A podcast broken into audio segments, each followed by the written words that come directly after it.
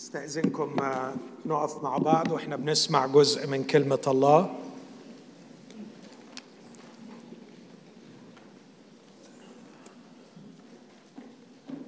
هقرأ من إنجيل متى أصحاح 16 الأعداد الشهيرة اللي فيها لأول مرة يتكلم الرب يسوع عن الكنيسة. عدد 13 ولما جاء يسوع إلى نواحي قيصرية فيلبس سأل تلاميذه قائلا من يقول الناس إني أنا ابن الإنسان؟ فقالوا قوم يوحنا المعمدان وآخرون إيليا وآخرون إرميا أو واحد من الأنبياء. قال لهم وأنتم من تقولون إني أنا؟ فأجاب سمعان بطرس وقال أنت هو المسيح ابن الله الحي. فأجاب يسوع وقال له طوبى لك يا سمعان ابن يونا إن لحما ودما لم يعلن لك لكن أبي الذي في السماوات وأنا أقول لك أيضا. الآب قال لك وأنا أقول لك أيضا. أنت بطرس وعلى هذه الصخرة أبني كنيستي وأبواب الجحيم لن تقوى عليها. على هذه الصخرة أبني كنيستي وأبواب الجحيم لن تقوى عليها. آمين. هذه هي كلمة الرب. تفضلوا استريحوا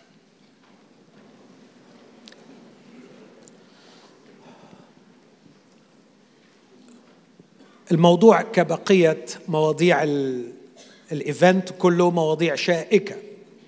إحنا خدنا لغاية دلوقتي خمس مواضيع كلها شائكة لكن أعتقد أن أكثرهم صعوبة أو من أكثرهم صعوبة هو موضوع اليوم. سؤال يصاغ كالآتي. إن كان يسوع المسيح بهذه الحلاوة إن كان الله بهذا الصلاح إن كان الكتاب المقدس بهذه العظمة والقوة إن كان الإنجيل كما تتكلمون عنه قادر على أن يفعل كل هذا في نفوس الناس. فلماذا لا نرى المسيحيين؟ لماذا لا نرى الكنيسة بهذه القوة؟ بل على العكس نراها ضعيفة نراها هزيلة. يوم بعد الآخر نسمع في الجرائد فضائح عن رجال من الكنيسة نسمع عن سقوط مروع لبعض القادة. نسمع عن أشياء تعلن في العلن كانت في الخفاء أشياء مخزية. لكن أكثر من هذا ليس فقط ما نسمعه ونقرأه في الميديا لكن في تعاملاتنا الشخصية مع كثير من المؤمنين مع كثير من أعضاء الكنائس نصدم ونتعثر. في جريدة الجارديان وهي الجريدة الإنجليزية لكن لها طبعة أسترالية. في طبعتها الأسترالية مكتوب هذا المقال من بضعة سنوات قليلة. يقول إن انعزال الكنيسة الجماعي عن الناس الناس الذين لهم إيمان مختلف عن المسيحية أو الذين ليس لهم جعل مجهودات الكنائس الإنجيلية لنشر الإنجيل وكأنها محاولة إلزام الناس بالاتفاق مع عقيدة وقبولها ويقول الكاتب كأنها محاولة إلزام الناس بقبول عقيدة أكثر من محاولة توصيل محبة الله ونعمته لهم ومحاولة تسهيل الحوار حول الإيمان المسيحي. أضف إلى هذا تقول جريدة الجارديان الأسترالية أضف إلى هذا التحول التدريجي الذي حدث في الكنيسة في العقود الأخيرة من الوقوف إلى جوار الفقراء والمهمشين والضعفاء إلى إنجيل الرفاهية الذي اشتعل في السبعينيات. الإنجيل الذي يستميل الأغنياء وينهب أموال الفقراء بخداعهم بالشفاء. ثم أضف إلى هذا الأخبار اليومية عن رياء وفضائح القادة البارزين. كل هذا جعل الإيمان المسيحي غير محترم في أمريكا. لا شك أنه تقرير مرعب. ولا أستطيع يا أحبائي أن أناقض هذا الكلام لأنه أعتقد إنه إلى حد ما صحيح. لكن لكي أكون محدد لمن أوجه رسالتي هذا المساء؟ وأنا أحاول أن أجيب عن هذا السؤال إذا كان الله المعلن في يسوع المسيح صالحا ومحبا لماذا الكنيسة بهذا الضعف؟ أقول إني أتكلم لثلاث فئات. الفئة الأولى التي على قلبي واللي أنا مهموم بها هي شباب. وشابات. عثروا. لديهم رغبة في الابتعاد عن الكنيسة لأنهم رأوا أشياء في الكنيسة تتناقض مع ما يسمعونه. رأوا أن الفارق بين ما يعلم به وما يطالب به وبين الواقع الاخلاقي الحقيقي مسافة شاسعة. فبعضهم فشل وعثر ويبرر ابتعاده بهذا القول. إذا كان الله صالحا لماذا المسيحيين بهذا الضعف؟ الفئة الثانية التي أوجه إليها حديثي شخص ملحد أو سكبتك متشكك يهاجم الإيمان المسيحي متخذا ضعف الكنيسة كذريعة لهجومه على الإيمان المسيحي. وكأن هذا الإيمان غير جدير بالثقة وغير منطقي لأنه لم ينجح في أن يجعل تابعيه كما يعد أو كما يعلم. ثم أخيرا أوجه حديثي للكنيسة نفسها الكنيسة الحقيقية نفسها. وأبدأ بأمر اجده أساسي. أعتقد إنه معروف وواضح لكن لكي يكون طرحي مبني على أساس لابد أن من يسمعني. يكون على اتفاق معي في الحديث. ما هي الكنيسة التي نتكلم عنها؟ ماذا نقصد عندما نقول الكنيسة؟ ما هي وظيفتها؟ وما هي إرساليتها؟ معنى الكلمة في اليونانية لا يخفى على معظمنا. إكليسيا. وإكليسيا كلمة مكونة من مقطعين. المقطع الأول إك والمقطع الثاني ليسيا. وإك هي المقطع الذي يستعمل دائما خروج من وإلى اللي منها جات الكلمة الإنجليزية exit. فإننا نخرج from لكن to من وإلى. وليسيا جاية من فعل يوناني يعني دعوة invitation. اذا معنى كلمة كنيسة التي استخدمها الروح القدس على فم المسيح في متى 16 تعني أنها تتكلم عن دعوة من للخروج دعوة للخروج من إلى وهذه الدعوة مقدمة لأشخاص معينين. على أن استعمال الكلمة لم يبدأ في الكتاب المقدس لكن كانت موجودة لقرون طويلة في اللغة اليونانية وربما أول ذكر لها يعود إلى القرن السادس قبل الميلاد. تماما كما حدث مثلا مع كلمة لوجوس أشهر وأقدس وأهم كلمة في إيماننا المسيحي في البدء كان الكلمة. الكلمة في اليونانية لوجوس ليس يوحنا هو الذي نحت أو صك هذه الكلمة فكلمة اللوجوس موجودة في الفلسفة اليونانية قبل استعمالها من الروح القدس في الكتاب المقدس. كان الفلاسفة يستعملونها. وبالتالي علينا إذا أردنا أن نفهم معنى كلمة لوجوس أو معنى كلمة إكليسيا أن نعود لأصحاب اللغة. ونسألهم كيف كانوا يستعملون هذه الكلمة. وعندما نذهب لليونانيين ونسألهم ستكون إجابتهم كالآتي أن اليونانيون كانوا أول من فكر في الديمقراطية وفكر في مجلس اجتماع للشيوخ والقادة والمفكرين في المدينة. يستفتى هذا المجلس في القرارات الخطيرة مثل قرارات الحرب مثل قرارات الضرائب مثل التجهيز لحدث مثل اختيار للوظائف. كان هذا المجلس الخارج من المجتمع ليكون صاحب القرار.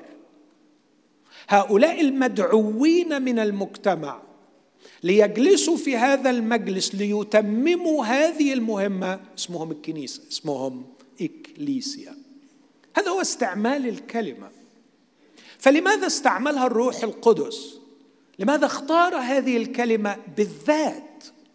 لكيما يصف بها هذا الكيان الروحي العجيب الرائع العظيم. إخوتي في قلبي حب وإعزاز وتقدير عميق للكنيسة. واعتقد ان كل شخص محب ليسوع المسيح عليه ان يحب كنيسة المسيح. بولس قال انه يتألم يتألم ويكمل بدون الدخول في تفاصيل معنى هذه الآية دي نقائص شدائد المسيح في جسمي لأجل جسده الذي هو الكنيسة. لا أعتقد أن هناك خادم أمين للمسيح يتكلم ضد الكنيسة. أو تقل الكنيسة في عينيه اسمحوا لي أحكي شيء شخصي بسرعة شديدة وأعود بسرعة إلى معنى الكلمة اليونانية. تذكر في وقت من الأوقات بعد الثورة في مصر وبعد بعد رؤية العطش الجارف في الشارع للحق المسيحي كان لدي لوم عميق في قلبي على الكنيسة. لأن الكنيسة مشغولة بأمور كثيرة ولا تهتم بالنفوس. لكن تكلم الرب إلي بهذه الصورة بشكل فوق طبيعي لا يمكن أن أنساه. ترك في انطباعا ما زال باقيا أثره إلى الآن. رأيت امرأة على كرسي متحرك لا تستطيع الحركة مصابة بما نسميه بارابليجيا يعني لا تستطيع أن تحرك نصفها. الأسفل. وأراني نفسي واقفا أمامها. لم أكف عن حثها واستثارتها وتوبيخها لكي تقوم وتمشي. وعندئذ سمعت صوت في داخلي كأنها تكلمني. هل جربت إنك تكون مشلول؟ وحد عمال يضغط عليك علشان تمشي. اعطيني القوة وستجدني أمشي. ويومها تكلم الرب إلي قبل أن توبخ الكنيسة لأنها لا تسير لا تمشي للمجتمع ساعد الكنيسة. ادعم الكنيسة شجع الكنيسة اخدم الكنيسة. أعطي طعاما وتعليما وشفاء روحيا للفكر وللقلب ثم أطلب من الكنيسة. أعتقد أن مسؤولياتنا كخدام. حتى وإن رصدنا العيوب علينا أن لا نتأخر عن حب الكنيسة لأن المسيح أحب الكنيسة وأسلم نفسه من أجلها. أعود وأقول ما هي الكنيسة طبقا للمعنى اللغوي للكلمة؟ منذ أن سقط الإنسان في الخطية سقط على أساس وهم كبير. أنه سيكون هو سيد نفسه وسيد هذا العالم. لكن لم يدري هذا المسكين أنه في اللحظة التي فيها انفصل عن من هو فوقه فقد سلطانه على العالم وسقط صريعا تحت سيادة إبليس. وأصبح إبليس بشهادة المسيح اسمه رئيس هذا العالم. وتكون العالم وعندما أقول تكون العالم تكونت العقول تكونت المشاعر تكونت القلوب تكون البشر معادين لله متجنبين عن حياة الله. لديهم خصومة مع الله. نعم. لما نيجي نفسر إيه المصيبة اللي حصلت؟ صحيح إن الخطية ساكنة فينا لكن يا أخي شيء غريب كم العداوة لله وكم الانفصال عن الله. أعتقد إنه مش من الصعب عليك تدرك إن في قوة روحية جبارة شريرة تسهر بلا كلل على تشكيل العقل البشري والقلب البشري ليكون معاديا لله. ماذا يفعل الله؟ في ملء الزمان حدث هذا الحدث العظيم. أن الله يدعو اشخاصا رجال ونساء يدعوهم من هذا النظام يدعوهم من العالم الشرير العالم الموضوع في حضن الشرير ويخرجهم من العالم. ليس فيزيكالي ليس جغرافيا. قال لست أسأل أن تأخذهم من العالم بل أن تحفظهم من الشرير. لكن كان سبق وشهد وقال ليسوا من العالم بالدعوة. بالدعوة لأنه دعاهم ليخرجوا من العالم. عالم معادي لله عالم مختصم الله عالم لا يفسح غرفة واحدة لحضور الله. يدعوهم ليخرجوا من لكن يا ترى to what to what يخرجهم من العالم لكي يكونوا نور للعالم وملح للأرض. بلغة دالاس ويلرد يقول عبارة رائعة بالإنجليزية. دعاهم to undermine the structure of evil in this world.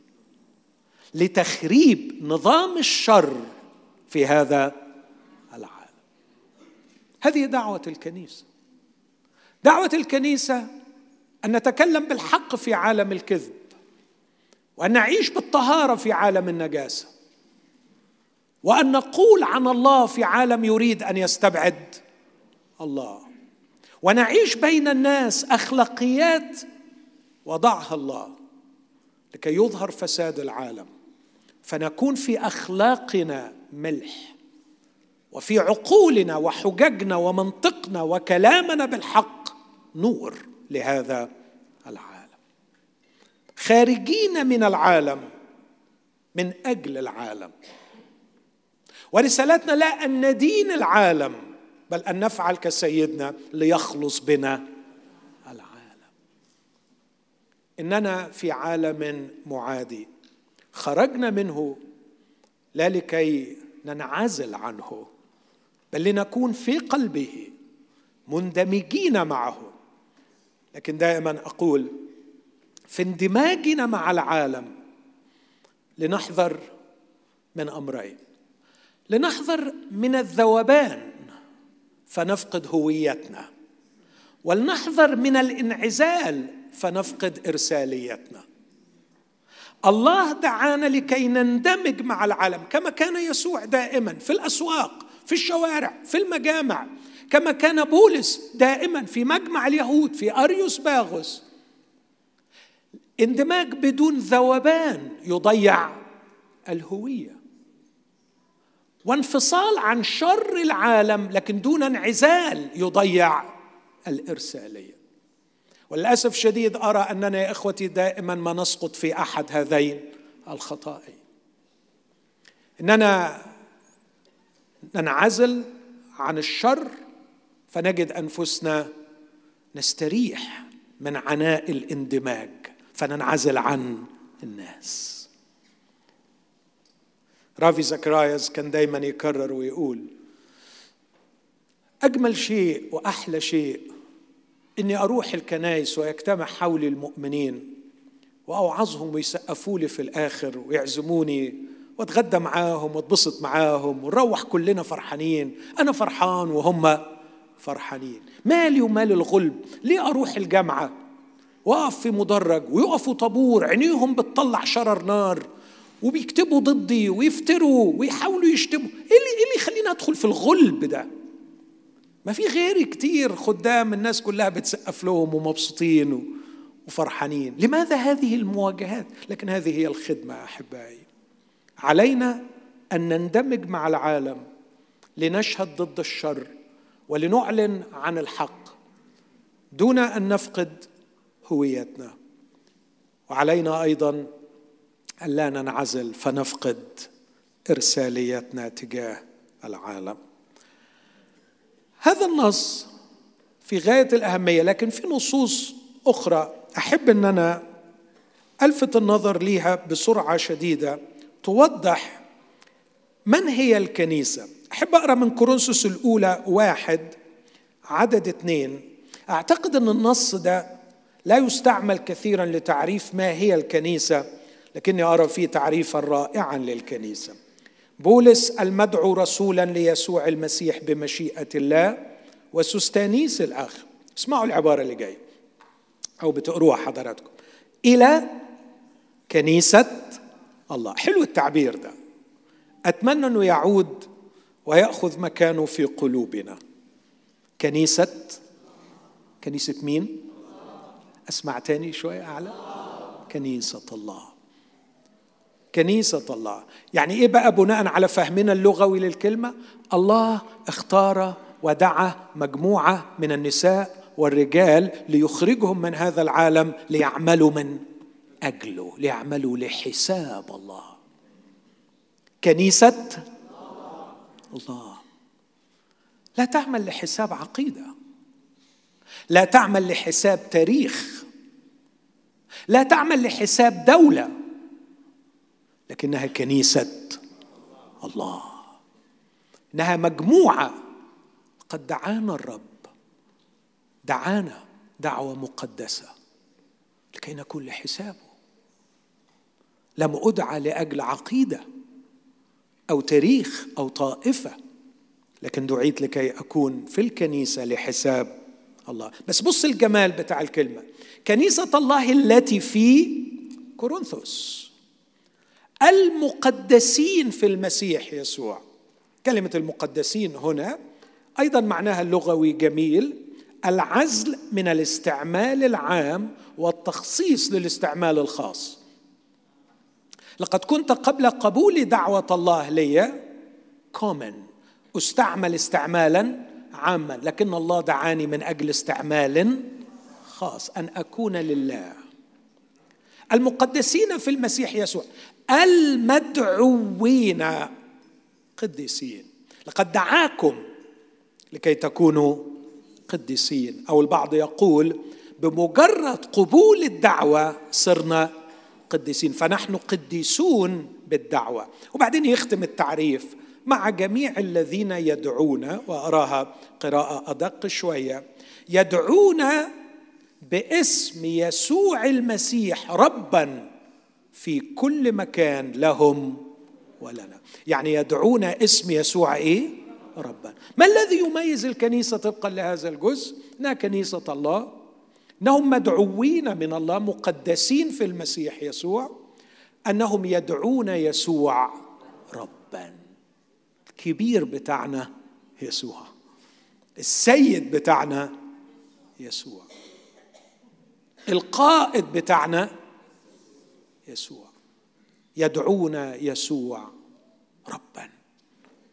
من لا يدعو يسوع ربا ليس من الكنيسة. من لا يقول بالروح القدس أن يسوع رب ليس من الكنيسه لم يدعى لأن المدعوين القديسين في المسيح يسوع يدعون يسوع ربا. تفكير ده ألاقيه كمان في متى 18 بشكل أيضا أعتقد إنه يدعم هذا الفكر. ودي المرة الثانية والأخيرة اللي يسوع ذكر فيها كلمة كنيسة. كان يسوع بيعلم تعليم عن العلاقات بعضنا مع بعض. وبعدين قال إن أخطأ إليك أخوك اذهب إليه وعاتبه إلى آخر الكلام. في الغاية ما وصل في النهاية وقال وإذا لم يسمع من الاثنين أو الثلاثة فقل للكنيسه بعدين حب يعرف اعتقادي أن هذا أيضا تعريف. ما هي الكنيسة؟ أنت بتقول لنا يقول للكنيسة. أكيد السؤال اللي جوه التلاميذ طب ما سمعش من الثلاثه طب يروح يقول للكنيسة من هي؟ الكنيسة التي سيقول لها. سيذهب إلى الجدران سيذهب إلى كيان. هيروح لمين؟ يقول يسوع لأنه متى 18 20 حيثما اجتمع اثنان أو ثلاثة باسمي أو إلى اسمي فهناك أكون في وسط ماذا تعني هذه العبارة؟ تعني شيئا عظيما. نفس الفكرة. حيثما اجتمع اثنان أو ثلاثة. لقد سمعوا الدعوة للاجتماع. من شوية قلت إن معنى كلمة إكليسيا يعني في دعوة لاجتماع. من سمعوا الدعوة للخروج من العالم الفاسد الشرير واجتمعوا حولي. Unto my name. لقد خرجوا ليتبعوا يسوع. ويسوع هو موضوع جاذبيتهم وموضوع اجتماعهم وأساس تجمعهم هناك أكون في وسط. هذه الكنيسة مجموعة أشخاص خارجين من المجتمع المعادي لله لكنهم يظلوا في داخل المجتمع المعادي لله. غايتهم هي الشهادة لله فهم كنيسة الله قائدهم وربهم وعمودهم ومركزهم هو شخص يسوع. المسيح. أكيد حدث فيهم عمل إلهي معجزي. حدث فيهم الولادة الثانية حدث ليهم التبرير حدثت المصالحة. بيقودهم في رحلة خلاص اللي سمعنا عنها في الليالي الماضية. ليسوا مجتمعا من الكاملين لكنهم بدأوا رحلة الاتجاه نحو الكمال. ليسوا مجتمع خالي من العيوب. لكنهم لجأوا للطبيب الذي يشفيهم من عيوبهم. ليسوا مجتمع يتعالى على الآخرين فهو منهم خطاة نادانا ووعدنا بأن يخلصنا ويحررنا من خطايانا لكي نكون معه نسير هذه الرحلة. هذا من جهة تكوين السؤال ما هي وظيفة الكنيسة؟ أشرت إلى الوظيفة لكن أؤكدها بسرعة. من النص الأول على هذه الصخرة أبني كنيستي وأبواب الجحيم لن تقوى عليها. أنا كنت عامل presentation صغير أتمنى أخونا اللي مع الميديا لو يقدر يطلع الصور بعض الصور اللي التقطتها بنفسي في المكان الذي نطق فيه يسوع بهذا التعليم. شايفين الصورة مش عارف إذا كانت واضحة. الصورة اللي بعديها يمكن تكون أوضح منها. آه يمكن دي أوضح شوي. صار يسوع مع التلاميذ مسافة طويلة حوالي أكثر من مئة كيلو متر ليصل بهم إلى قيصرية فيلبس. ويسألهم هذا السؤال من يقول الناس إني أنا؟ بطرس بإعلان من الآب قال له أنت هو المسيح ابن الله الحي. المسيح ابن الله الحي الذي سيقهر الموت. المسيح ابن الله الحي الذي سيحل المشكلة. المسيح ابن الله الحي الذي سيقيد القوي وينهب أمتعته. يسوع الذي سيبيد بالموت ذاك الذي له سلطان الموت فهو ابن الله الحي. ابن الله الحي لأن المشكلة العظمى التي دخل إليها الجنس البشري هي مشكلة الموت. بإنسان واحد دخلت الخطية إلى العالم وبالخطية الموت أخيرا طلع لها بطل يعرف يحلها. لابد أن يكون ابن الله الحي لكي يحل مشكلة الموت. بس الجميل في يسوع إنه يأخذ التلاميذ إلى هذا المكان حيث هذه الصخرة. وفعلا لما تقف قدام الصخرة دي تشعر بارتعاد بهيبة جبروت الصخرة. وواضح إنه الوثنيين زمان شعروا بهيبة وجبروت هذه الصخرة وتأثيرها على المشاعر فنحتوا فيها سبع هياكل للأوثان. كان أشهر هيكل فيها هو هيكل الإله بان إله الطبيعة. ممكن الصورة اللي بعديها توضح. هذا هيكل من الهياكل هات الصورة اللي بعديها من فضلك. هذا الهيكل هذا كهف. في داخل الصخرة منحوت داخل الصخرة مملوء بالمياه. وهذا الكهف نحت مية قبل الميلاد. يعني هذا الهيكل صنع أو كان عامرا بالعبادة الوثنية سنة 100 قبل الميلاد. وده يعتبر زمن مش بعيد عن يسوع. فعندما كان يسوع موجود كان الوثنيون في هذا المكان يقدمون عبادتهم وكانت العبادة كالآتي. يأتي العابدون طوابير طويلة ويقتربوا ويقدموا أطفالهم ذبيحة للإله بان. فيلقي الكاهن يأخذ الطفل من أمه ويلقيه في المياه. إذا غاص في المياه يعني أن الإله قبله. إذا لم يغوص وطفى يلقوا بطفل آخر وهكذا حتى يرضى الإله. كان المنظر أكيد مخيف ومرعب. كان منظر الموت بشع ولكم أن تتخيلوا يسوع الرقيق. وهو ينظر الأمهات وينظر الأطفال. لكنه كان يرى العالم الروحي. ويرى سعادة الشيطان. وكأنه يعني سامحوني في التعبير البلدي دي. كأنه بيطلع لسانه. وبيقول له أنا أنشر الموت. وأنا أستعبد الناس وأجعلهم يقدمون فلذات الأكباد ذبائح. أمام هذا المشهد ال slide اللي بعديها من فضلك Temple of Pan بالعبري وبالإنجليزية دي ال sign موجودة دي أنا مصور ال sign موجودة ناحية اللي بعديها من فضلك. اقرأ العبارة دي. The Gates of Hell ودي موجودة لغاية دلوقتي. كان هذا الهيكل يسمى باب الجحيم. باب الجحيم. اللي بعديها من فضلك. هذه ال sign موجودة إلى الآن. كانوا يذهبون ليلقوا أطفال. وقف يسوع أمام هذا المشهد القاتم. إخوتي الأحباء أرجوكم حاولوا تشوفوا اللي الرب حطه على قلبي. هذا المشهد القاتم لم يزل موجودا إلى اليوم. لم يزل موجودا يسوع يرى الشيطان وهو يقتل فلذات الأكباد وهو يأخذ الشباب والشابات والرجال والنساء إلى أبواب الجحيم. ياخذهم إلى الهلاك. يسوع لم يزل يقف بنفس هذا الحزن الرهيب أمام عمل الشيطان. تكلم عنه في يوحنا عشرة بوجع في القلب. وهو بيقول أنا أتيت لتكون لهم حياة بس السارق لا يأتي إلا لكي يسرق ويذبح ويهلك. أما أنا فقد أتيت لتكون لهم حياة. أمام كل في مدرج كل جامعة وفي كل بيت دعاره وعلى الإنترنت حيث يستعبد إبليس ويقتل إبليس بالنجاسة وبالأكاذيب يقف يسوع حزينا وهو يرى مشاهد الموت تسود. لكن يسوع في هذا المكان أعلن أعظم إعلان. كأنه بيقول أنا مش هنحت بيتي تحت الصخرة زي ما الوثنيين دول بينحتوا لكن سأبني كنيستي فوق الصخرة. وأبواب الجحيم لن تقوى عليها. وكأنه بيوعد العالم بأعظم عطية. هبني لكم كيان يقفل باب الجحيم.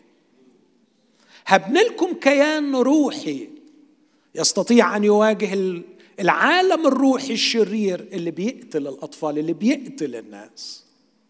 سأبني بيتا سأدعو جماعة ستقهر أبواب الجحيم. أتمنى أن هذا المفهوم اللي بعديها من فضلك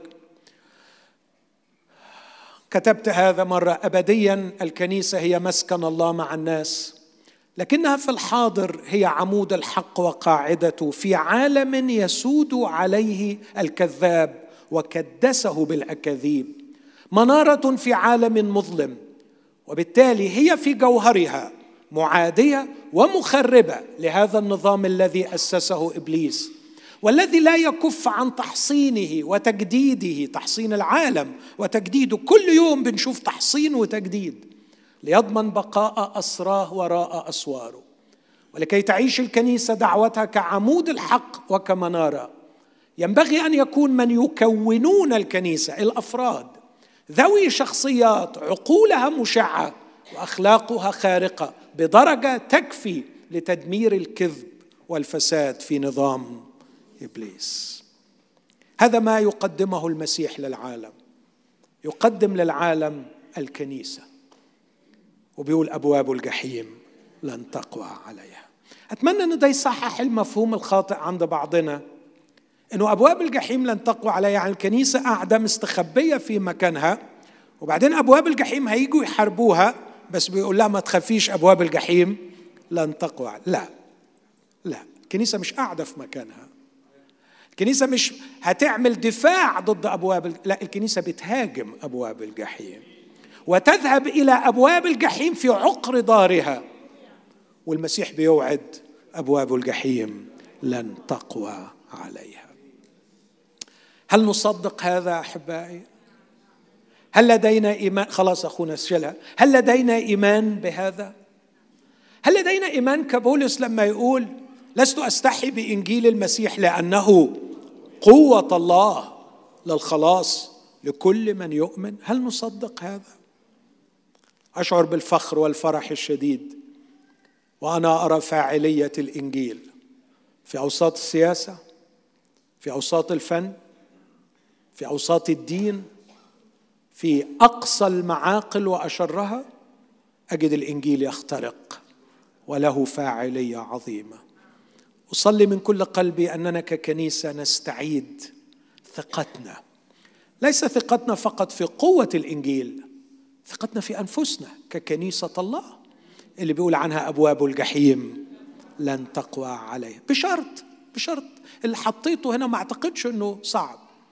إنه عقولنا تبقى مليانة بالنور واخلاقنا مليانة بالقداسة. لأنه ما سيخرب نظام إبليس هم حاجتين في منتهى البساطة إنك تقول الحق وتعيش بالقداسة. العالم كنظام مبني على أمرين الفساد الأخلاقي والكذب الفكري. صح؟ في حاجة تاني غير دول؟ أكاذيب غياب الحق وفساد في الأخلاق. إذا عشنا ككنيسة في وسط المجتمع إذا عشنا بالقداسة وقلنا الحق بنعمة الرب أبواب الجحيم لن تقوى على الكنيسة. أمين؟ متحمسين؟ طيب. أكتفي بهذا مع إنه في نصوص كثيره مهمة لكن أنتقل بسرعة للنقطة الثالثة. ما سبب ضعف الكنيسة؟ في عجالة سريعة أقول علينا أن نفرق بين الكنيسة الحقيقية ك organism ككائن حي. وبين الكنيسة كمؤسسة ك organization أتذكر في مرة خادم أمين أعتقد معظمنا يعرفه في مصر جون بول. تفتكروه؟ خدم في مصر كتير. ففي مرة سألته سؤال بعد سنين هذا عددها في خدمة الله ولم يزل يخدم الله. قلت له من وجهة نظرك إيه أكتر شيء يضعف الكنيسة. قال لي تعبير مش ممكن أنساه. Institutionalization of the spiritual experience. بالعربي مأسسة الخبرة الروحية. أن يتحول الشيء الروحي إلى كيان مؤسسي. الكنيسة لم تصمم على أن تكون organization لها CEO و CFO و CTO لا. لكن الكنيسة كيان روحي. في قلبه وعند أقدامه خدام يطعموا الخراف ويشد من أزرهم ويعلموهم وينقوا عقولهم من كل كذب وينقوا أخلاقياتهم من كل فساد لكي ينطلقوا إلى العالم يخلخلوا نظام إبليس. ليست مؤسسة تعقد اجتماعات ومؤتمرات وتنجز إنجازات وفي النهاية تقدم تقرير سنوي للجمعية العمومية لقد دخل علينا كذا وصرفنا كذا وأنفقنا كذا لكننا حققنا كذا وعملنا كذا. ده لازم في الشركات. لا أقول أن الكنيسة ليس لديها أعباء إدارية. من أعمال خمسة والكنيسة عليها أعباء إدارية. وأقام الروح القدس أناس مملوئين بالروح القدس شمامسة ليتولوا الأعمال الإدارية. يقينا زي ما البيت له أعمال إدارية يحتاج إلى تنظيم وإدارة لكن الكنيسة ليست منظمة إدارية كيان روحي. الخلط الذي حدث مع انتشار ثقافة الكونسيومرزم الثقافة الاستهلاكية حولت الكنيسة إلى مؤسسة. لن أذكر اسمها لكن واحدة من أكبر الكنائس في العالم دخلتها وجدت أن الشعار اللي مكتوب إننا هنا نقدم ما يطلبه الناس. ما يطلبه الناس. فاكرين زمان في مصر في بنزيون والحاجات دي الزبون دائما على حق. إحنا هنا تحت أمر الزبون. كتب واحد من علماء الاجتماع المسيحيين كتاب خطير أنصح بقراءته McDonaldization of the church McDonaldization of the church لقد تم التعامل مع الكنيسة مش بس باعتبارها مؤسسة لكن franchise كمان. افتح فرع وإدارة وأعداد وأرقام. أقول لاخوتي المتشككين قبل أن تلومونا وقبل أن تسألوا هذا السؤال إذا كان الله صالح فلماذا الكنيسة بهذا الضعف؟ أقول لك عن أي كنيسة تتكلم. هل تتكلم عن الكنيسة الحقيقية؟ هل عاشرت مؤمنين حقيقيين؟ أم تتكلم عن المؤسسة؟ المؤسسة المسيح ليس مسؤول عنها. المسيح رأس الكنيسة الحقيقية. المسيح رأس الكنيسة الحقيقية. I will do my homework. Do your homework. واسأل نفسك سؤال. ما هي الكنيسة التي تهاجمها؟ هل أولاد الله الحقيقيين الذين يجاهدون ويكافحون لكي يعيشوا بأمانة لله؟ أما أنك تهاجم المؤسسة. This is a churchianity not Christianity. هذه هي المؤسسة وليس الكائن الحي الذي رأسه المسيح. يقول لي وأنا أعرف منين؟ وأنا ذنبي إيه؟ أقول لك حاجة لو رجعت الكلام اللي أنا قلته وكنت مخلص في الاستماع والتحليل لما أطرحه اليوم؟ الكنيسة في جوهرها قنبلة تهدم وتخرب نظام إبليس. هل تتصور إن إبليس يسيبها في حالها؟ هيعمل حاجة من اتنين. اسمعوني يا أحبائي. يا يهدمها يا يخترقها. إما أن يهدمها أو يخترقها. ولقد حاول لقرون طويلة أن يحرقها ويهدمها بالإضطهاد وفشل فشلا ذريعا. فلم تبق له إلا هذه المكيدة الرديئة أن يخترقها. وللاسف الشديد أقول على مر العصور كان دائما عندما يفشل في الاضطهاد ينجح في الاختراق. وأقول شيئا مؤسفا لم أرى كنيسة غير مخترقة. للأسف الشديد إنسان عدو جاء والناس نيام. طبعا ده ما ما يبررش شطارة العدو.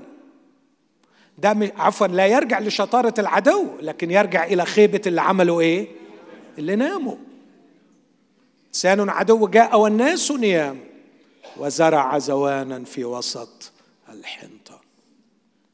إخوتي الأحباء أقول إن الكنيسة اخترقت بأشخاص لا يحبون يسوع في عدم فساد. فاكرين العبارة دي؟ ختم بها بولس أفسس السته وهو يرسل التحية إلى جميع من يحبون يسوع في عدم فساد. حتى في العصر الرسولي الأول اخترقت الكنيسة. كان في كورنثوس إخوة كذبة كان في غلاطيا إخوة كذبة. كتب يوحنا عن إخوة كذبة. دائما الكنيسة مخترقة. ماذا نفعل؟ هحاول أقول إيه اللي نعمله. لكن أقول للمتشكك لابني لبنتي الذين عثروا في الإيمان المسيحي.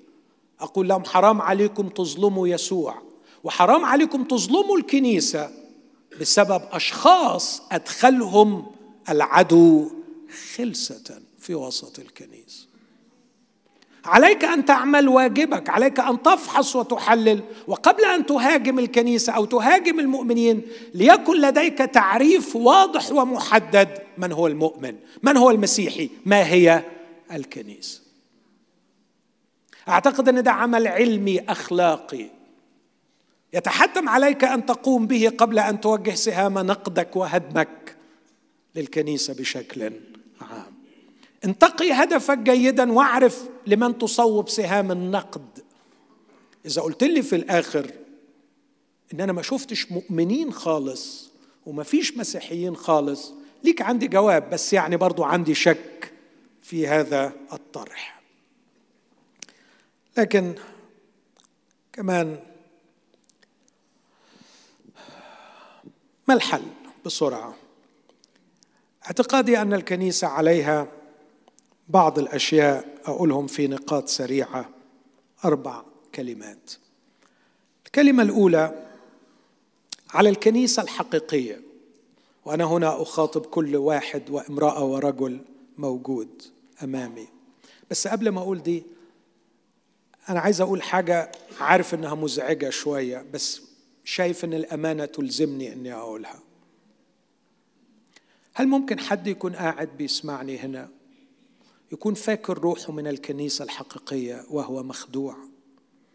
للأسف كنت أتمنى أجاوب وأقول لا كنت أتمنى لكن الإجابة الأمينة تقول نعم. لأنه المسيح قال إنه في اليوم الأخير ناس هيقولوا لي يا رب يا رب. أليس باسمك تنبأنا وباسمك أخرجنا شياطين وباسمك صنعنا قوات حينئذ نصرح لهم؟ إني لم أعرفكم قط. طب يا رب نروح فين ونيجي منين؟ قال بسيطة قوي. من ثمارهم تعرفونه إن الدليل على أنك من الكنيسة الحقيقية ليس الخدمة والمواهب والانتماء والكلام. حاجة بسيطة قوي. في أخلاق ولا ما فيش؟ من ثمارهم تعرف في حياة قداسة ولا ما فيش؟ في أمانة ولا ما فيش؟ في عيشة صح ولا عوج والتواء؟ عمال تقول يا رب يا رب ما يلزمش يا حبيبي. ممكن إبليس يخليك تقول يا رب يا رب. عمال تقول تنبأنا وأخرج ممكن. ما هو المسيح قال. إزاي بقى؟ مش هنناقش دي دلوقتي مش ده موضوعنا. لكن موضوعنا إن الرب قال لهم كلمة مرعبة يصرح إني لم اذهبوا عني يا فاعلي الإثم. ده واقع مخيف يا أحبائي. مثل العذارى الحكيمات والجاهلات بيؤكد هذه الفكرة. هل من الممكن إن في شخص هنا يكون قاعد وسطينا مخدوع؟ أنا اعتقادي كان وسيم ودان بيسألوني في العربية do you think they are deceived? I said yes they are deceived. هم كانوا متصورين. لغاية اللحظة الأخيرة إنهم تابعين للمسيح. مخدوعين في نفسهم.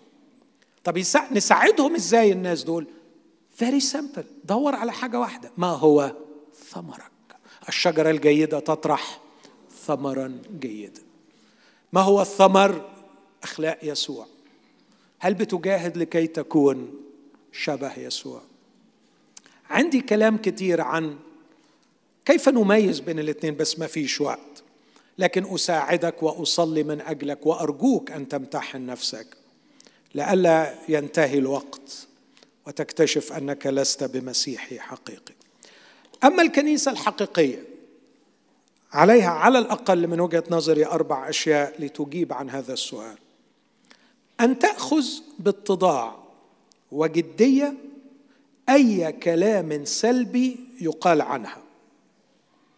ثم تراجع نفسها لترى مدى صحته. أتمنى أحبائي يكون ده توجهنا ككنيسة حقيقية. إذا قيل في حقنا كلام سلبي لا يكون أول رد فعل من جانبنا هو الهجوم على من يقول. هذا ليس موقف صحيح. علينا باتضاع وجدية. أن نأخذ أي كلام سلبي يقال عنا ثم نراجع نفسنا لنرى مدى صحته. تصرفات اللي أحيانا تنتقد الميديا لانها هم الميديا شغلتهم يعملوا كده لكن السؤال عندهم حق ولا ما عندهمش؟ الأفضل أن يكون لدينا الاتضاع في أن نفحص أنفسنا هل ما يقال صحيح أم لا؟ أقرأ لحضراتكم آيتين في غاية الأهمية. واحدة في تيموثاوس الأولى خمسة وواحده في بطرس الأولى ثلاثة والاثنين بيتقال فيهم إن في ناس بتشتم الكنيسة. في تيموثاوس الأولى خمسة عدد 14 الرسول كان بصدد حديث عن الأرامل الحدثات وكان بينصح إن الأرامل الحدثات يتزوجن.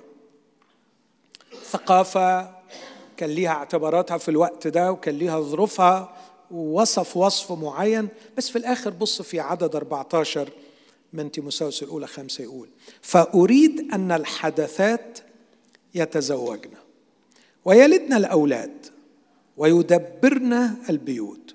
بعدين يقول إيه؟ ولا يعطين علة للمقاوم من أجل شتم فإن بعضهن قد انحرفن وراء الشيطان. الآية دي جبارة. إيه معناها؟ معناها إن إبليس على فكرة بيتكلم عن أخوات مؤمنات حقيقيات. أخوات مؤمنات حقيقيات. يبدأ يغري ويقدم الضعم وراء الطعم حتى تزل الأقدام فيبقى اسمهم انحرفوا وراء الشيطان يعني انحرفوا مش يعني أخلاقهم باظت عشان مخنا ما يروحش كلمة انحراف عندنا في العربية. صعب. انحرفنا وراء الشيطان يعني زاغوا وراء مكايد إبليس وده ممكن يحصل. مع أي مؤمن ممكن يحصل معايا؟ الرب يحفظني ويحفظكم. بس إبليس لما خلاهم ينحرفوا وراءه كان إيه غرضه؟ غرضه بشع الراجل ده. مجرم. تعرف إيه غرضه؟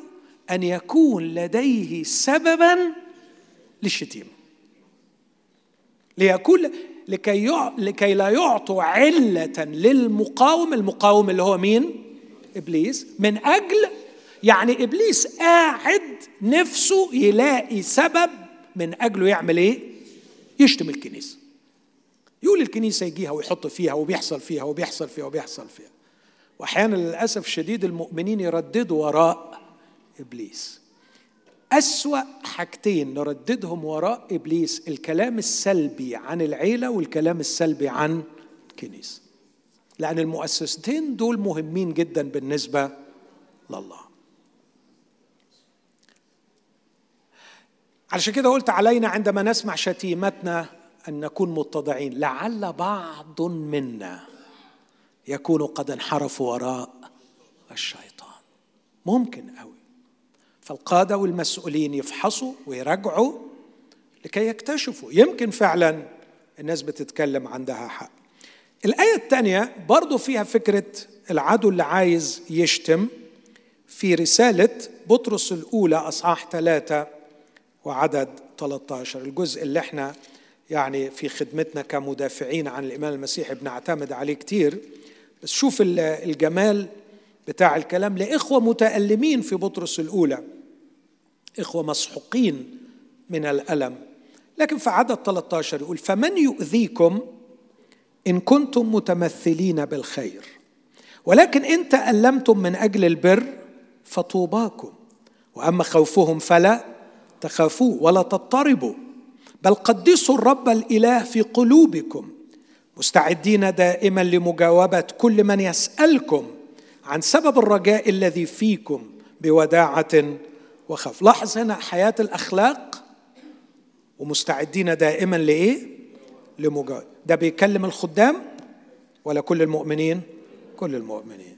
مؤمنين مطحونين متألمين آه بس بيقول لهم كلكم تكونوا مستعدين لمجاوبة. كلمة مجاوبة هي أبولوجية أبولوجية اللي هي منها الأبولوجيتكس لمجاوبة كل من يسألكم عن سبب الرجاء الذي فيكم بوداعة وخوف. بص اللي بعديها. ولكم ضمير صالح. لكي يكون الذين يشتمون سيرتكم الصالحة في المسيح يخزون فيما يفترون عليكم كفاعلي شر. ليكن لدينا الضمير الصالح ليكن لدينا الضمير اللي, اللي لما أفحص نفسي باجتهاد واتضاع زي ما قلت أكتشف إنه ما فيش حاجة شريرة وإن اللي بيتقال ده مجرد افتراء. الكتاب بيوعدني إنهم سيخزوا سيخزوا كفاعلي شر عندما يقضي الرب عليهم. نمرة اثنين. على الكنيسة الحقيقية أن تقدم نفسها للعالم. لا كأناس كاملين بلا عيب. كل ما يعملونه هو أنهم يرون شر الآخرين ويدينونه. بل علينا أن نقدم أنفسنا للعالم على أننا نسير رحلة شفاء وخلاص. كثير لما بيقولوا لي عرف نفسك. أقول broken sinner human being has been found by a savior. ما أنا إلا خاطي مكسور لكن وجدني مخلص. اسمه يسوع. وكتر خيره. خدني ومشيني في رحلة شفاء. حررني من حاجات كتير ولسه بيحرر. شفاني ولسه بيشفيني أعتقد إنه أذهب عني كثير من القبح وأعطاني شيئا من جماله لكني لم أزل أحلم أن أتغير إلى تلك الصورة عينه. لكن يبقى تعريفي لنفسي أني خاطئ مكسور قد أحبني مخلص. بحث عني ووجدني ويسير بي في رحلة شفاء. إخوتي الاحباء أرجوكم لا تتكلموا مع الناس من علياء. لا تتكلموا مع الناس أنتوا خطاط وإحنا المؤمنين اللي ربنا خلصنا. لا توصلوا هذه الرسالة directly or indirectly. مرات ما بنوصلهاش بالكلام لكن بتوصل بطريقة لأن في خفة في الكلام. فيخرج الشخص بانطباع دول يا عم شايفين حالهم إن هم وصلوا. خلاص. دول يعني إخوتي هذا يفتح الباب لإبليس. بقى أنتوا كده؟ طيب إحنا عينينا مفتوحة عليكم وهنطلع الغلط. وتعرفوا لو ما طلعوش الغلط ينصبوا لك مكيدة كي تسقط في الخطأ ويمسكوها عليك. دعونا لا نقدم أنفسنا للعالم. كأناس كامل نحن نسعى في طريق الكمال لكننا لسنا كاملين. نسعى في رحلة شفاء وخلاص بصحبة مخلص عظيم وجدنا ولم يزل يبحث عن غيرنا. دعونا لا نقدم أنفسنا كديانين للعالم بل كساعين لخلاصه. مرات كل اللي بنعمله نرصد فساد العالم. المسيح بيقول في يوحنا 3 17 عفوا يوحنا 3 مش فاكر كام يقول هذه العبارة الرائعة لأن الله لم يرسل ابنه إلى العالم ليدين العالم بل ليخلص به العالم. في صورة أنا حاططها لو قدر أخونا يوريها لنا صورة النسر. صورة خدت جايزة كبيرة قوي لكن ما أعرفش من ساعة ما شفتها حاسس إنها ممكن تكون لها علاقة بالكيس شايفين الصورة دي؟ الصورة دي صورة مؤلمة. الشخص خد جايزة عليها اللي صورها. طفل في أفريقيا حبيبي وصل به الجوع إلى الانكسار والانكفاء واقترب من الموت. والنسر واقف يراقبه مستنيه لما يموت لكي يهجم عليه. فكتبت على هذه الصورة هل الكنيسة تراقب الموت في العالم وترصده أم تحاربه؟ وتنقذ الناس منه ما اعتقدش انها شطاره ليا كخادم إن اقعد على المنبر اتكلم عن شر العالم وفجور العالم. اعتقد إن روح الله هيقول لي روح اعمل حاجة للعالم. مش كل شغلتك إنك تقعد تقول والعالم اعمل والعالم بيسوي والشر والشر. عارفين؟ وبعدين؟ وبعدين؟ أنا أتخيل أننا كمثل هذا الرجل الذي فكر في الجائزة أنه يقتنص اللحظة بدلا من أن ينقذ الطفل. لا أعرف أين قلبه. بدلا من أن يهجم على الطفل لينقذه من الموت ظل يراقب الموت ويصوره. ومرات نظل في أبراجنا العالية على بنوكنا في كنائسنا نسبح تسبيحاتنا ونرنم ونعنى ونرصد الموت في العالم. ونشكر الله لأننا لسنا من هذا العالم دون أن نعمل أي شيء للعالم. قالت لي أحببت صديقتي في العمل رغم أنها لا تحب وكان كل العاملين في المتجر الذي أعمل فيه في أمريكا هذه القصة يبتعدوا عنها يكرهونها لأنها فعلا شخصية عنيفة شريرة صعبة. منظرها ارتني صورة منظرها مخيف لكني أحببتها. قالت للبوي فريند بتاعها ما حدش في الشغل بتاعي كله بيحبني إلا فيبي فيبي بتحبني. قال لها مين فيبي؟ قالت له واحدة مسيحية. قال لها لا انت مخدوعة انت وهمة. قال لها العبارة دي عمرهم ما بيحبونا. عمر المسيحيين ما بيحب كل اللي يعرفوا يعملوه إنهم بيدينونا بيستذنبونا. إخوتي هل هذا هو الشعور الذي وصلناه للناس من حولنا؟ هل لدينا استعداد أن نتكلم ونتحاور معهم؟ هل لدينا استعداد أن أن ندخل إلى ضيقاتهم وألامهم ونحاول أن نمد لهم يد العون؟ هل نحاول أن نحمل عنهم شيئا من الألم الذي يعانونه بسبب خطاياهم لكي يروا المسيح فينا؟ أعتقد أننا إذا كنا نواصل رسالة المسيح المسيح لم يأتي ليدين العالم ويعدد له خطاياه لكن المسيح جاء لكي يخلص العالم. ثلاثة على الكنيسة الحقيقية أن توفر مناخ الشركة الحقيقية بين أفرادها. الذي يضمن جوا امنا للمؤمنين للاعتراف بضعفاتهم وخطاياهم. يعترف في بعضهم لبعض بالزلات. أين أذهب بضعفي؟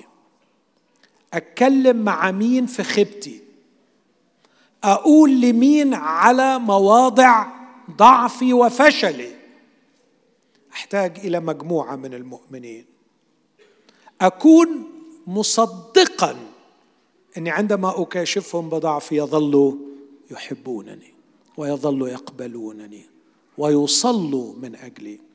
يعقوب ثلاث يعقوب خمسة ستاشر اعترفوا بعضكم لبعض بالزلات وبعديها وصلوا بعضكم من أجل بعض. لماذا نعترف بعضنا لبعض؟ عشان إخواتي يصلوا لي.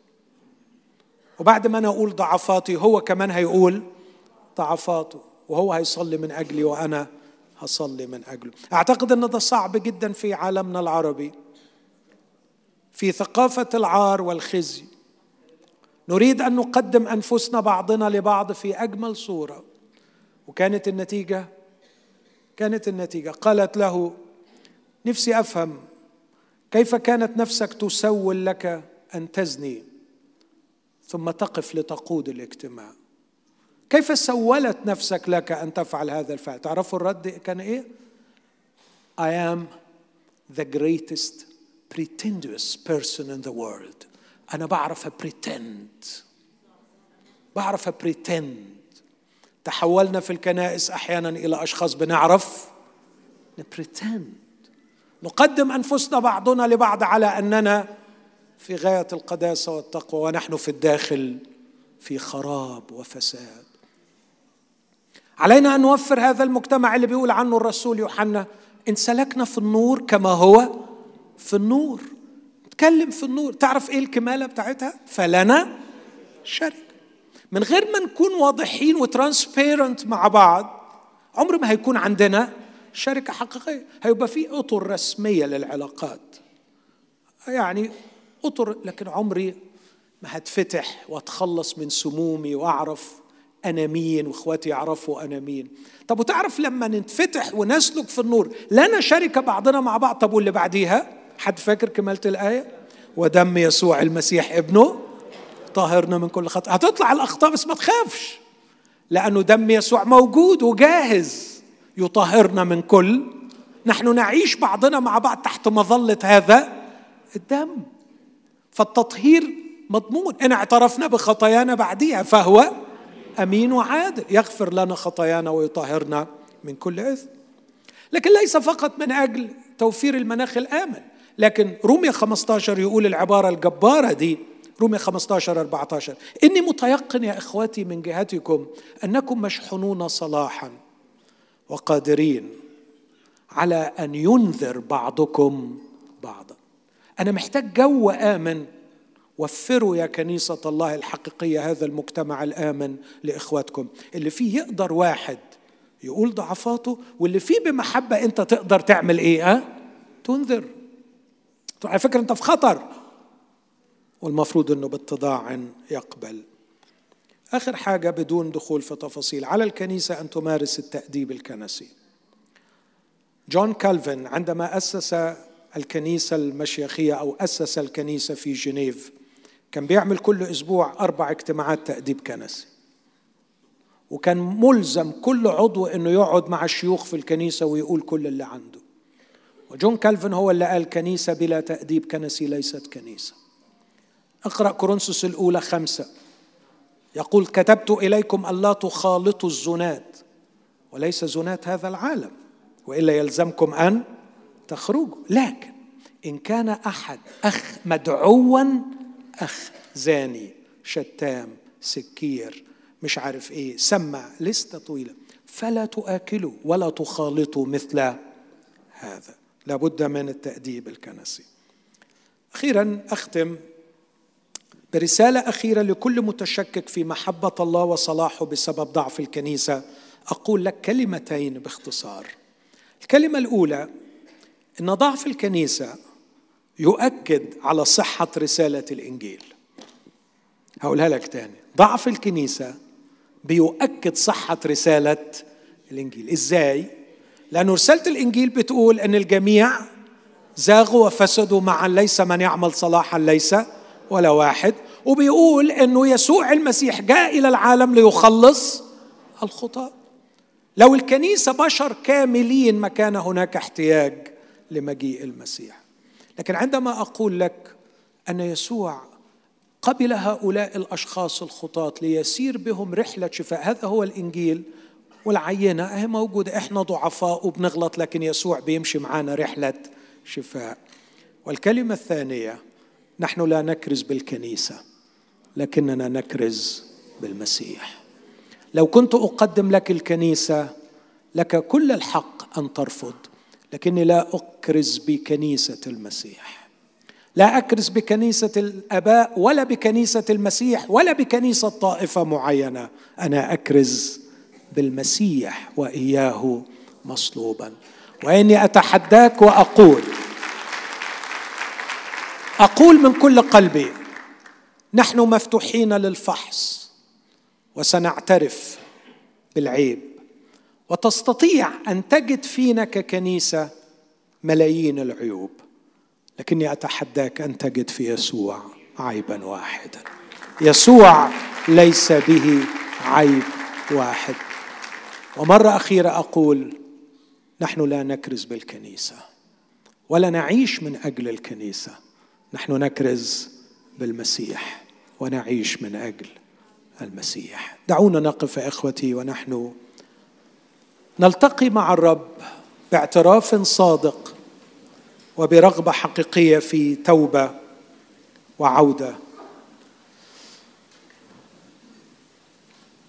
أتمنى أنه العاثر والمتشكك والحائر من ابتعد عن يسوع بسبب الكنيسة يراجع نفسه في هذا المساء.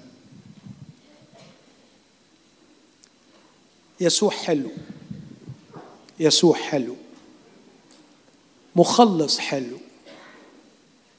سامحنا واغفر لنا إن كنا ككنيسة أخفينا عن عينيك جمال يسوع. سامحنا لكن هذا لا يمنع إن يسوع حلو ويسوع جميل. أرجوك تغاضى عن أخطائنا نحن. ارجوك حولي عينيك عنا ككنيسه واقبلي الشخص الذي نقدمه لك شخص يسوع. هذا الذي أحب الخطاه ومات من أجلهم. نعم قصرنا في أن نحيا حياته ونفكر مثله ونسلك كسلوكه قصرنا ونطلب منه الغفران. لكن يسوع لم يزل حيا. يحبك ويحبك. ويدعوك لا أن ترتبط بالكنيسة لكن أن ترتبط به. وعندما ترتبط بيسوع ستجد نفسك جزء من الكنيسة. وستعمل لشفاء الكنيسة. وستعمل لإنقاذ الكنيسة. وستخدم الكنيسة لكي تكون أكثر جمالا وصحه خلونا نصلي ونطلب من قلبنا. نطلب إنه الرب يقوم الكنيسة وينهضها ويطلعها من كبوتها ويرجعها تبين جماله وحلاوته لعالم مأزوم عالم مسكين. جايين يا أبانا اسمع.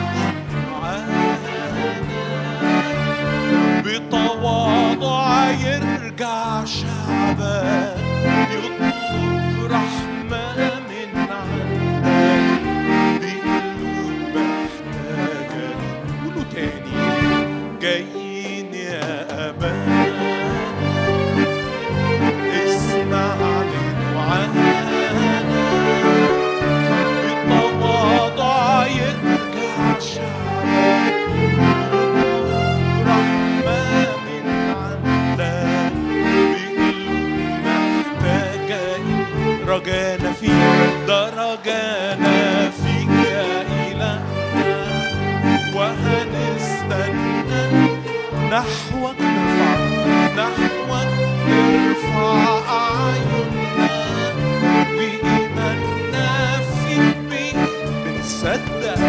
بنصدق كل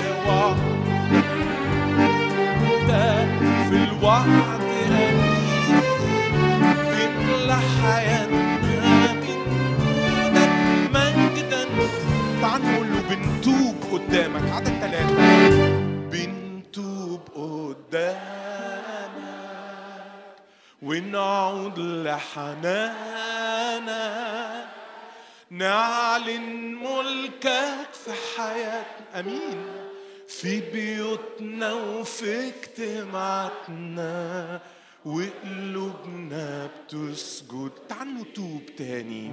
بنتوب قدامك. ونعود لحنانك. نعلن ملكك في حياتنا. في بيوتنا وفي اجتماعاتنا وقلوبنا بتسجد ليك رجانا فيك إله رجانا فيك هنستنى المواعيد.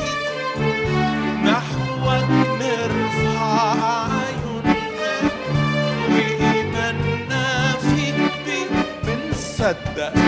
بنصدق كل وعدك ده انت في الوعد امين تملى حياتنا من جودك مجدا ليك يا عايز كلمة تلزق في ذهننا. Precious. كلمة precious. بتترجم في العربي ثمين. في بطرس الأولى واحد بيتكلم عن المسيح حجر كريم حجر كريم وبيتكلم عن دمه إنه دم كريم يعني ثمين. لكن بعد كده اتكلم علينا إحنا حجارة. ولكم أنتم الذين تؤمنون الكرامة. بعض بيفهمها أنه كرامة يسوع في العين لكن البعض أيضا يقول انها كرامة المؤمنين بسبب ارتباطهم بالكريم. لقد صرنا حجارة ثمينة. فنفسي تبص لنفسك وتبص لنفسك وتقول من النهارده بنعمة الرب سأكون حجرا كريما. سأكون شخصا ثمينا. أمين؟ هبقى حد كده تقيل. هبقى حد حلو. هبقى شبه حبيبي. هبقى واخد من روحه. هبقى واخد حتة منه. أنا عايز أتعلمه. أنا اللي باقيلي من العمر عايز أقضيه أتغير إلى تلك الصورة. أنا هنسى طموحاتي وهنسى أحلامي وهيبقى عندي حلم واحد. أبقى زي يسوع. عايز أبقى زيك. عايز أبقى زيك في عقلك وفي قلبك. وتوجهك نحو الخطاة وتوجهك نحو المؤمنين. عايز حكمتك. صلي معايا الصلوة دي. قول له عايز حكمتك. عايز ودعتك عايز راحتك اللي اتكلمت عنها. الراحة اللي انت كنت عايش فيها. عايز سلامك. انت وعدت انك تديني مش سلام لكن تديني سلامك. أنا عايز سلامك. عايز شخصيتي تبقى شبهك.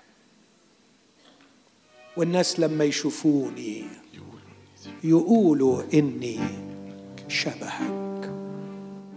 خلي ده حلمك الفترة اللي جاية. خلونا نعمل الليلة وداع غير مأسوف عليه. وداع للتفاهة وداع للرخص وداع لإضاعة الوقت وداع لإضاعة الوقت مفتدين الوقت. لا تكونوا أغبياء بل فاهمين ما هي مشيئة الرب. وداعا للسلوك بعدم تدقيق وداعا للرخص. الأيام اللي جاية هبقى فيها حجر كريم. هبقى حجر ثمين. وأعيش دعوتي وأوعدك بنعمة الرب. هتشوف اللي هيعمله ربنا بيك. هتشوف نفوس بتخلص بسببك. وهتشوف بيوت بتعمر بسببك. وهتشوف حياة كثيرين بتتغير بسببك. حد مصدق في الكلام ده؟ آمين. مصدق فيه؟ أمين. ربي اجعلني أشبه واجعل الهي ملكك بين الطرق السلام وارويني حتى اصير في سلوكك كيسوع صلي ربي اجعلني ربي اجعلني ربي اجعلني ابنك يسوع ربي اجعلني مثل المسيح في العهد صادقا والحق أسير كي أترك من حولي كل ما أسير.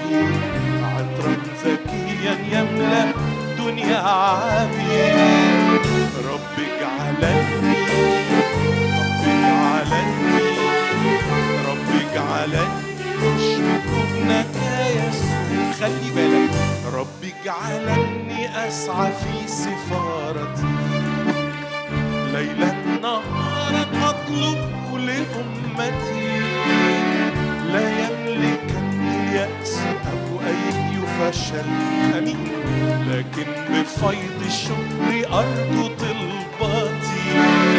ربي اجعلني ربي اجعلني ربي اجعلني يسوع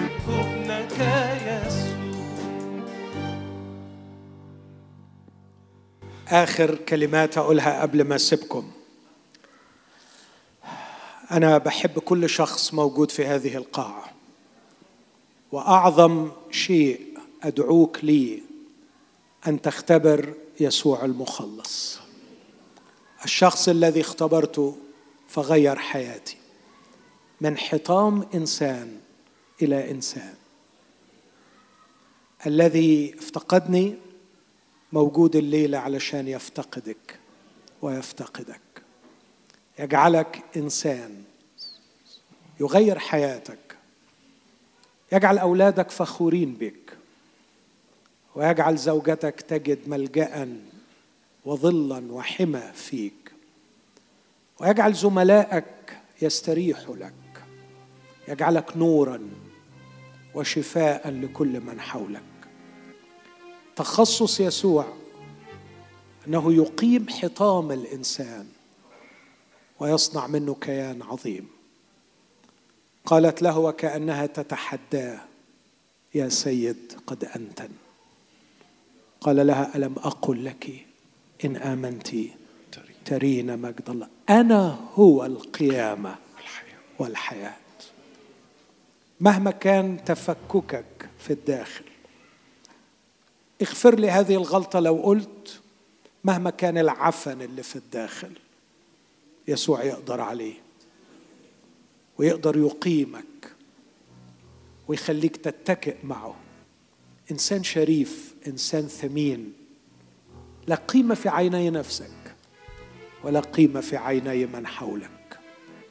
عندما تقبل يسوع يقول بولس الرسول في رومية اثنين أما الذين يطلبون المجد والكرامة والبقاء يكافئهم بالحياة الأبدية في اقترابك ليسوع أنت تطلب المجد والكرامة والخلود هل تطلب المجد والكرامة والخلود؟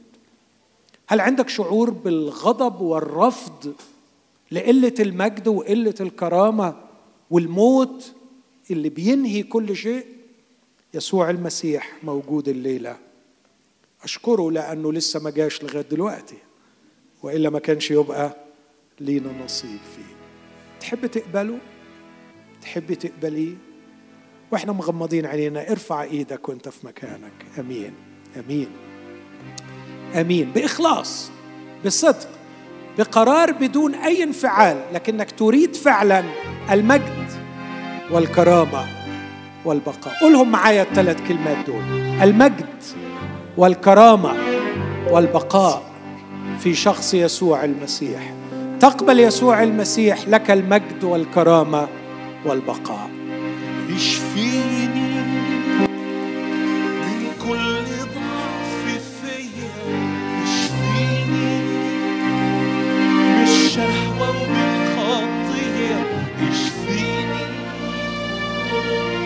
محتاج لك يا فتية اشفيني اشفيني اشفيني قول له تاني. اشفيني من كل ضعف فيا. اشفيني من الشهوة ومن الخطية اشفيني محتاج لك يا فدية اشفيني اشفيني. اشفيني قول له معايا. جاي لك بذنوب ندمان وبتوب يا رب. طالب غفرانك بدم المصلوب بمسك في ايديك أيوه يا رب. وبصدق فيك يا يسوع اشفيني. أنا راجع تعال نقول له تاني. جاي لك جاي لك بذنوب. وانت تغفر ندمان وبتوب. واثق فيه. طالب غفرانك بدم المصلوب. بمسك في ايديك وبصدق فيك. يا يسوع اشفيني أنا راجع ليك.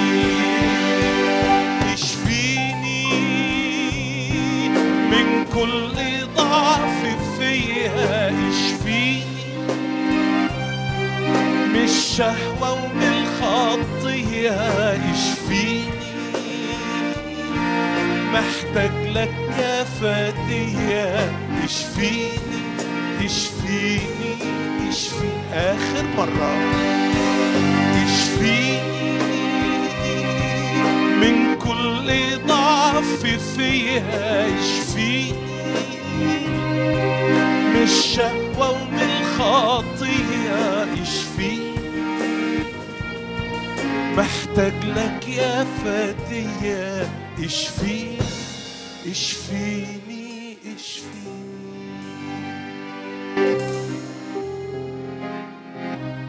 أنا ليه بطلب إنه ممكن الواحد يرفع إيده؟ لأنه عندي إيمان أو قناعة أن التعبير الجسدي عن شيء روحي بيساعد. يسوع في البستان جثى على ركبتيه وصل. كان يقدر يصلي من غير ما يركع لكن كان حالة الجسم تعبير عن حالة قلبه في الداخل. لما بقول له أنا محتاج لك يا فدية وبرفع ايدي بمد له ايدي وبقول له أنا محتاج لك. ممكن دي تكون بتعبر عن شيء داخلي ده بيثبت العمل الروحي في الدم بيساعد تعبير الجسماني عن الحاجة الروحية يجعلك تشعر بما تفعله. عشان كده إخواتي اللي رفعوا إيديهم أرجو منهم يرفعوا إيديهم مرة تاني عشان أصلي من اجلهم آمين. أيها الرب الحبيب يسوع عارف القلوب. أنت ترى هؤلاء إخوتي وأخواتي الذين يعلنون أمام الجميع بدون خجل بل بكل فخر وشرف احتياجهم لك. أيها الرب الحبيب يسوع لقد اعطيتني هذه النعمة وقبلتك من سنين طويلة لكني معهم اليوم أعلن أيضا احتياجي إليك أكثر من كل الماضي. أنت ترى عمق الاحتياج يا رب. أرجوك أن تستجيب. أرجوك أن تعطي كل واحدة وكل واحد. يقين أنك غفرت وأنك قبلت وأنك أمسكت باليد الممدودة إليك وأنك ستقودهم في رحلة شفاء وخلاص. ليختبروا هذا التحول العظيم. كيف نكون أحجارا حية؟ وكيف نكون فعلا نشكل تهديدا لمملكة إبليس؟ وكيف نختبر فعلا وعدك؟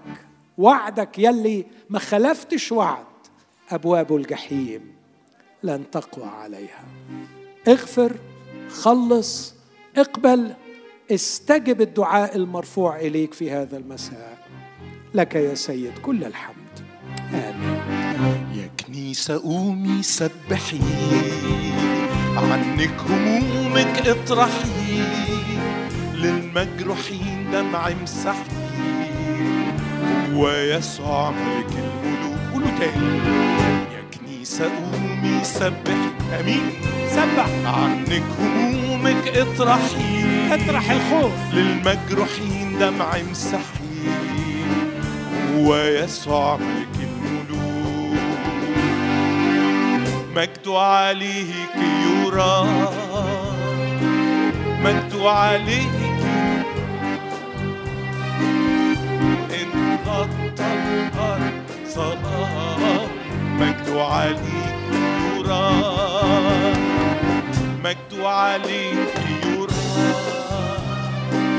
مجد عليك يرى.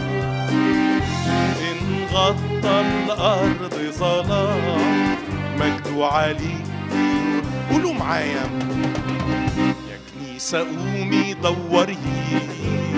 على الخراف ونوري المجد جاي تحضري. آمين. لمجيء يسوع ملك. نعم جاي. يا كنيسة قومي دوري.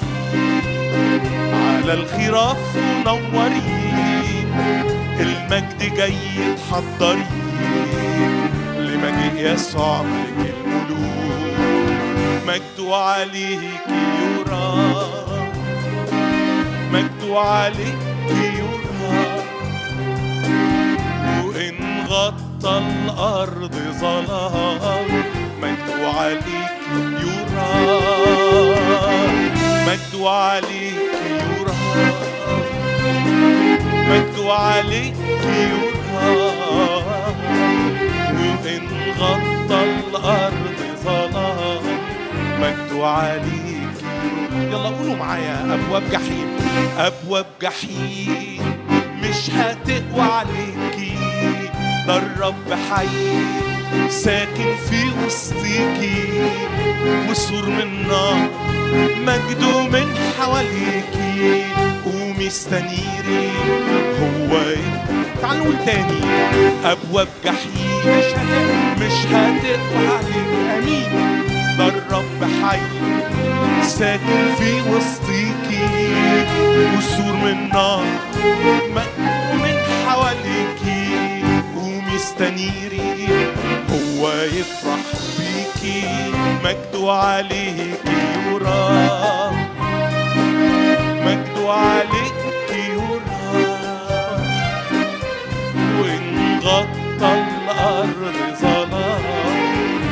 مجده عليك يرى مجده عليك يرى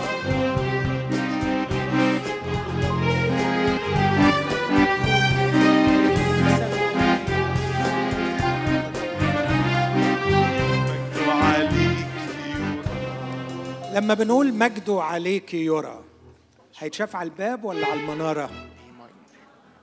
على المنارة؟ على الباب؟ على البنوك. لا لا على الباب ولا على المنارة ولا على البنوك. لكن علينا. فلما نطلع للعالم الناس يشوفوا مجده علينا. في أخلاقنا في عقولنا في كلامنا في تصرفاتنا. نحن حاملي المجد. قول لنفسك العبارة دي. نحن حاملي المجد. لو عايز آية كتابية اللي بيحبوا الآيات يعني له المجد في الكنيسة. في المسيح يسوع. مجد الله الآن فين؟ في الكنيسة. يعني فينا. فقول لنفسك أنا حامل المجد. حامل المجد. أنا حامل المجد. من كذب وباطل نقينا وبروح الحق تنورنا.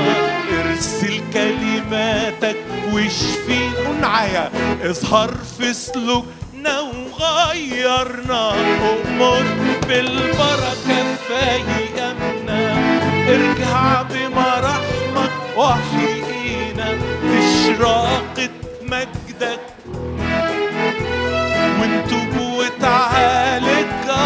أراضينا أمر بالبركة في أيامنا ارجع بمرحمك وحيينا اشراقة وجهك نستنى. وانتب وتعالج صلي معانا. عايزينك تيجي بسلطانك تؤمر لحياتنا بحرية. أمين. نثبت في الحق اتحررنا من كل خطية وعبودية. قول تاني. من كذب وباطل. صلي صلي. وبروح الحق اتنورنا. ارسل كلماتك واشفينا اظهر في سلوكنا وغيرنا ومر بالبركة ايامنا ارجع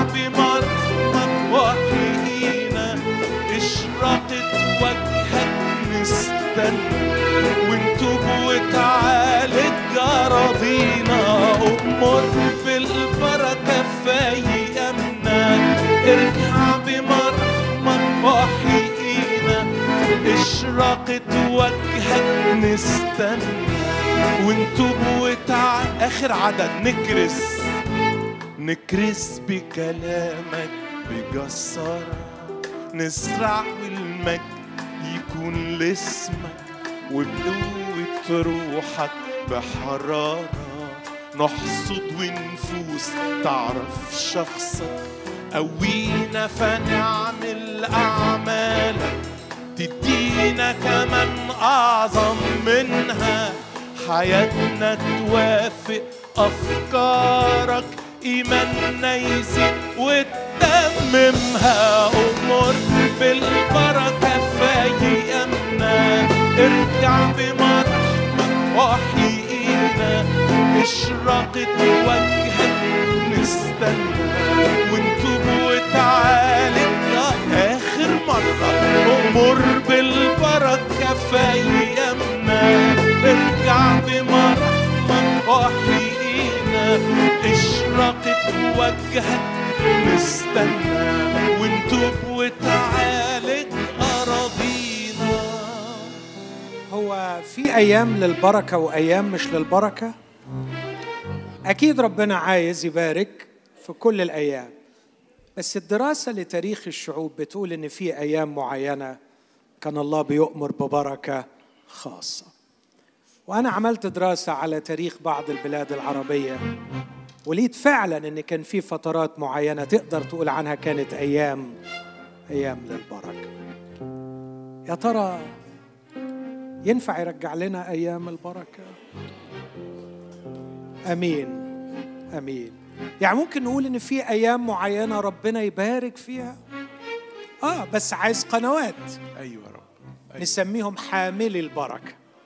إحنا من شوية قلنا إحنا حاملين المجد. خلينا نزود كمان نقول يا رب من النهارده بنعمتك هكون حامل البركة.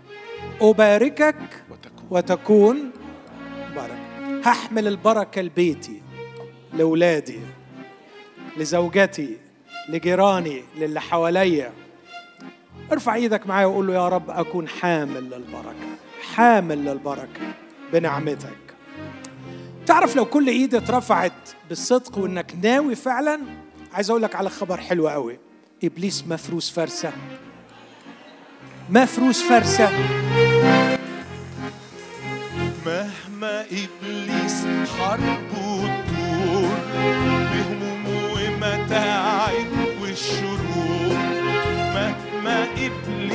حربه تدور بهمومه ومتاعب والشرور نمشي في موكب نصر فادي قول معايا.